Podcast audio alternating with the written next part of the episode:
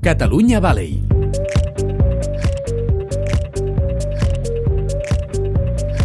Oients, sabeu què significa la sigla DCA? Doncs parlem de l'anomenada Digital Catalonia Alliance. Si en voleu saber tots els detalls, no us perdeu els pròxims minuts del programa.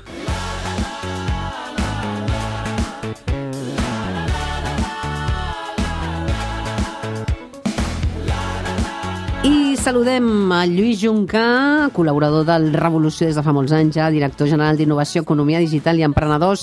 Què tal? Com estàs? Molt bé, Xantal. Bona nit. Uh, bona nit. A veure, deia a l'inici, no? La Digital Catalonia Alliance, quines tecnologies s'inclouen i com m'explicaries, no? El que, el que significa? És una iniciativa del govern que el que pretén és promoure les comunitats d'empreses eh, de tecnologies emergents, és a dir, eh, els drons, la ciberseguretat, la intel·ligència artificial, l'Internet of Things, el New Space, el blockchain, tot allò que és tecnologia de frontera, que a Catalunya ja fa uns quants anys que comença a, a treure el cap i a ser potent, doncs nosaltres vam decidir que era el moment de fer comunitats que aglutinessin aquestes empreses perquè es coneguessin entre elles, perquè Clar. col·laboressin i trobar fórmules perquè entre la col·laboració pública o privada aconseguim que aquestes empreses neixin més i creixin més. Per tant, eh, que es coneguin aquest networking, no? podríem dir, entre les empreses i podríem dir que dins del sector digital estem parlant de, de tecnologies més avançades, no? I per què és útil aquestes empreses, no? Pertany a aquesta trobada, no? Treballen entre elles, no? Suposo? Sí, aquí la paraula clau és la paraula comunitat. No? La, la, la mesura que entre elles es coneixen, Clar. eh, poden interactuar i, a més, aquestes tecnologies, la, la virtut que tenen és que gairebé cap empresa fa servir només una tecnologia. La potència d'aquestes tecnologies és quan comences a compaginar-les i, per tant, una empresa que sigui especialista en blockchain segurament eh, també li tindrà eh, compatibilitats amb una altra que faci intel·ligència artificial i combinades potser podran fer una aplicació per un satèl·lit. I és realment quan les poses juntes que comencen a cooperar i a poder donar resposta a reptes més importants i a fer projectes internacionals, a fer, en definitiva, projectes de creixement. Clar. Eh, tots aquests sectors dels quals parlem estan vivint un bon moment, em diries, a, a Catalunya?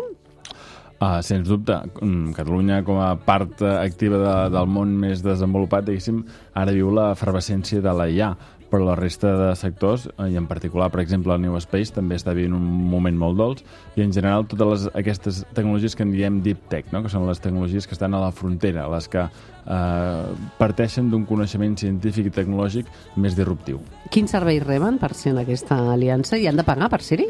Uh, el que hi ha de moment és un servei freemium, que en diem, que uh, la majoria de serveis són gratuïts i llavors uns quants serveis addicionals que generen més valor afegit, aquests són de pagament, no? Però uh, aquí el que es tracta doncs, és de fer moltes posades a, a, en escena, de visibilitzar-les, d'ajudar-les a, a anar a fires exteriors, a, a, a fer challenge d'aquests en què do- donem reptes o recollim reptes a grans empreses i llavors busquem quines petites empreses poden donar-hi resposta. En definitiva, fer aquesta comuni comunitat que deia abans perquè és el que a mig i llarg termini acaba generant més creixement per a les empreses. Ah, són empreses top a nivell internacional. Quins sectors, no? O són... Uh, despunten més, no? Em Aquí, diries? eh, els sectors Podem són dir els... noms? No sé si podem Uh, dir noms. no, no massa. I, en Nom? tot cas, el, el que, la majoria d'aquestes empreses el que són, són sí que en direm, eh, alguns, llavors si parlem dels premis que, que vam Ah, fer, diré els premiats. algun premiat. Val. Um, però uh, la gràcia d'aquestes comunitats són que ajuden al creixement d'empreses. Són uh, empreses, com deia abans, que van, han nascut els últims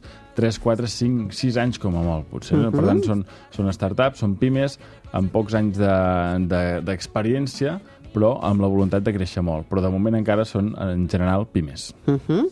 I els sectors? Quin um, destaques el sector? Uh, aquí els sectors hi són tots uh, perquè són tecnologies que en diem agnòstiques no? aquí uh, l'Internet of Things doncs aplica tot arreu uh -huh. la intel·ligència artificial aplica tot arreu uh, el blockchain també, la ciberseguretat totes les empreses uh, necessiten ciberseguretat per tant Aquí el focus està en la tecnologia, en la hibridació de tecnologies i la gràcia està en que aquestes tecnologies són, són capaces d'interactuar i donar valor afegit a qualsevol sector econòmic que hi hagi eh, avui en dia. Posa'm alguns exemples, Lluís Junca, de, del que estan fent, no? Algunes d'aquestes empreses? Per exemple, eh, són empreses que ajuden, en el cas del New Space, a monitoritzar la Terra. I això serveix per controlar com ha fet el canvi climàtic a Catalunya, com està canviant el, el, el paisatge, com està canviant l'orografia catalana, o, per exemple, per detectar eh, o la gestió de conreus, per detectar problemes de, de trànsit, per ajudar a la, a la mobilitat del país. En definitiva, en, en molts, gairebé en qualsevol sector que ens imaginem, trobarem una empresa que utilitzant alguna d'aquestes tecnologies hi intervé.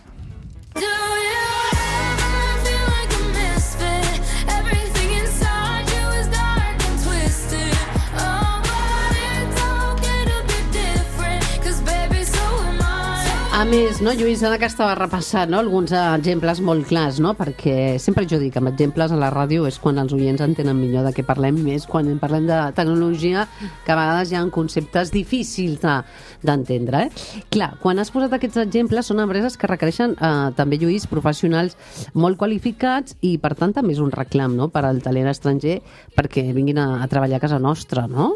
Sí, de fet, quan mirem el, qui ve a treballar a casa nostra en aquestes startups, veiem que gairebé en una de cada tres hi ha eh, treballadors estrangers i en gairebé una de cada quatre, de fet, hi ha un fundador estranger. Per tant, eh, no és d'estranyar, per exemple, que llavors en alguns rànquings aparegui, aparegui Barcelona i Catalunya com un lloc pioner a Europa. No? De fet, som la segona ciutat pre preferida pels fundadors de companyies per fer la seva startup. Uh -huh. Segona ciutat eh? de- d'Europa, eh? estem sí, parlant? Sí.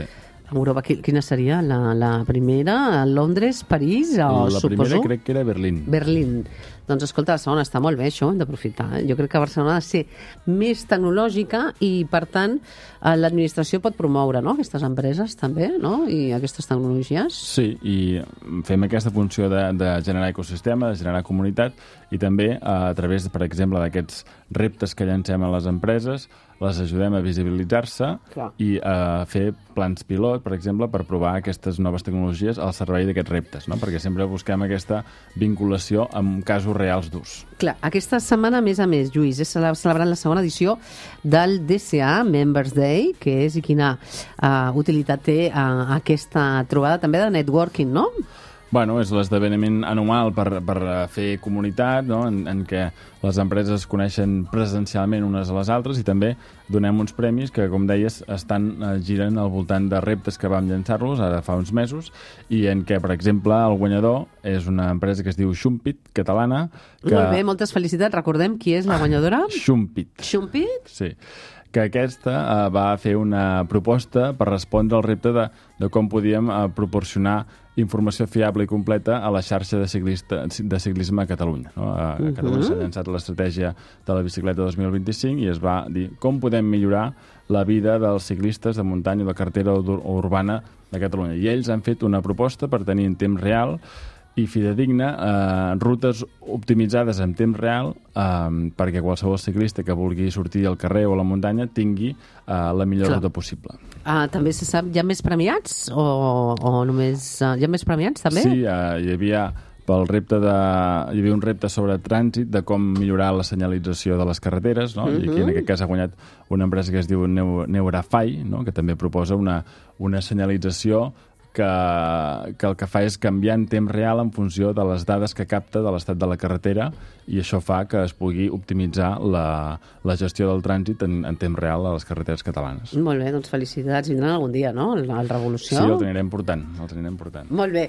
Lluís Juncà, moltes gràcies per dur-nos aquesta radiografia acurada del sector digital eh, més punter que tenim al nostre país i que seguim no, impulsant aquesta comunitat tecnològica que és imprescindible. A casa nostra, encara que no ho veiem moltes vegades, és imprescindible. Gràcies. Molt bé, a vosaltres.